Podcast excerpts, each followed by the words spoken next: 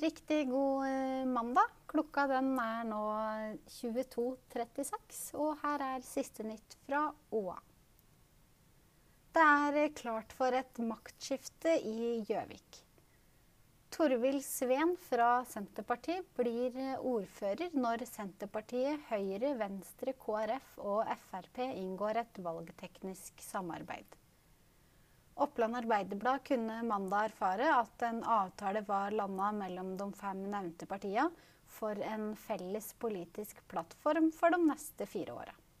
Det betyr at eh, Arbeiderpartiet er eh, vippa ned fra tronen i Gjøvik, og at det er duka for ordførerskifte. Det skjer etter nesten 100 år med Arbeiderpartistyre i kommunen. Statens vegvesen har gitt en huseier med eiendom inntil fv. 33 i Nordlia tre ukers frist til å fjerne det de mener er en ulovlig opparbeida jordvoll. Vegvesenet har vært på befaring på stedet, og skriver at de da har sett at frisikten ved avkjørselen ikke lenger er ivaretatt. Du kan lese mer om denne saken på oa.no.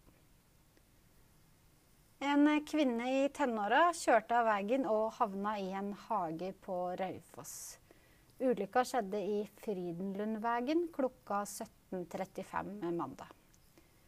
Til OA sier oppdragsleder Ove Stian Ovrum i Innlandet politidistrikt at to biler kom fra Øverbyvegen og skulle kjøre inn på Frydenlundvegen. Eh, det oppsto da en misforståelse som førte til at begge biler svingte inn på veien samtidig. Sjåføren i den ene bilen, altså den unge kvinnen, eh, fikk panikk, kjørte av veien og havna i en hage.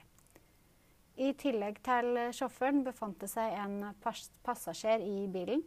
Begge ble sendt til legevakt for sjekk, men eh, skal ifølge politiet ha framstått uskadd. Klokka 19.40 i kveld opplyste politiet at bilen var berga. Og det var altså siste nytt fra Oppland Arbeiderblad. Ha en fortsatt god mandagskveld.